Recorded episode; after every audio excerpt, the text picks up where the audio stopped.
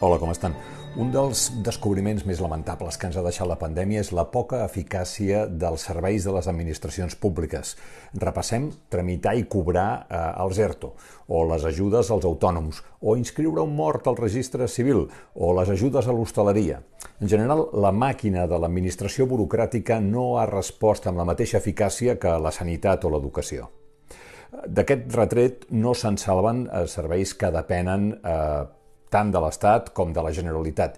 Hi ha un cas que potser no toqui ningú del nostre entorn més immediat, però és especialment desolador. El retard al servei d'atenció i tràmits d'estrangeria que s'ha greujat per la falta de personal durant la crisi del Covid i que ha deixat milers de persones indefenses legalment perquè no poden tramitar, renovar la seva documentació.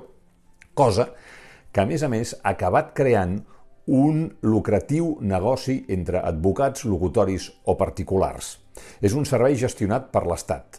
Eh, tres quartes parts d'immigrants que sol·liciten cita no l'aconsegueixen i han hagut de pagar per obtenir aquesta cita entre 50 i 300 euros, segons una enquesta del Consell Municipal de la ciutat de Barcelona.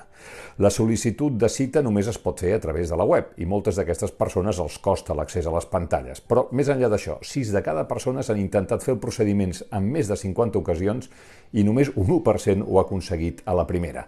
La conseqüència directa de no aconseguir la cita és que aquestes persones no regularitzen la situació ni renoven permisos concedits, cosa que pot fer-les caure en la irregularitat sobrevinguda.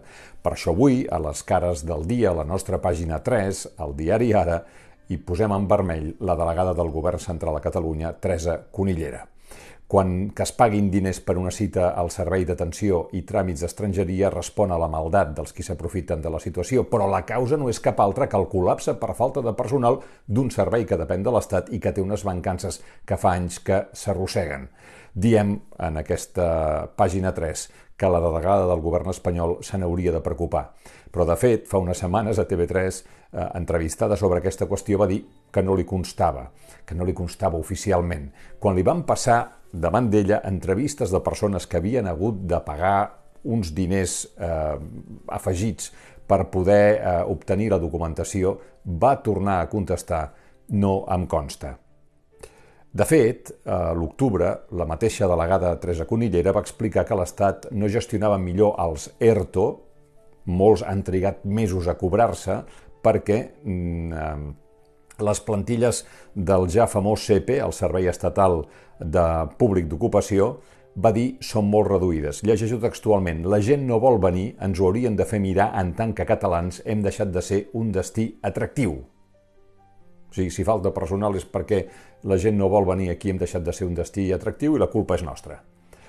No és només que no hi hagi un euro, i que costi de cobrar, sinó que les administracions, quan han hagut de remengar-se, no han sabut reconvertir-se i han donat una resposta molt pitjor, ja dic, que la de la sanitat o l'educació.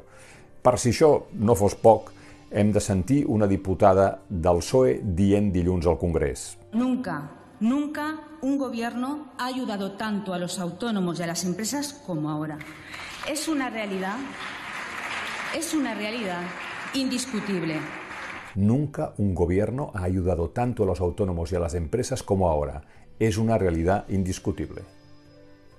Ho deu dir perquè en plena caiguda dels ingressos el govern espanyol ha pujat la quota dels autònoms i al gener la tornarà a pujar perquè és una pujada que ja estava prevista i que no s'ha revisat. El nostre reconeixement pels que pateixen la Covid-19 i pels que la combaten a primera línia, un record pels presos polítics i pels exiliats, i que tinguem un bon dia.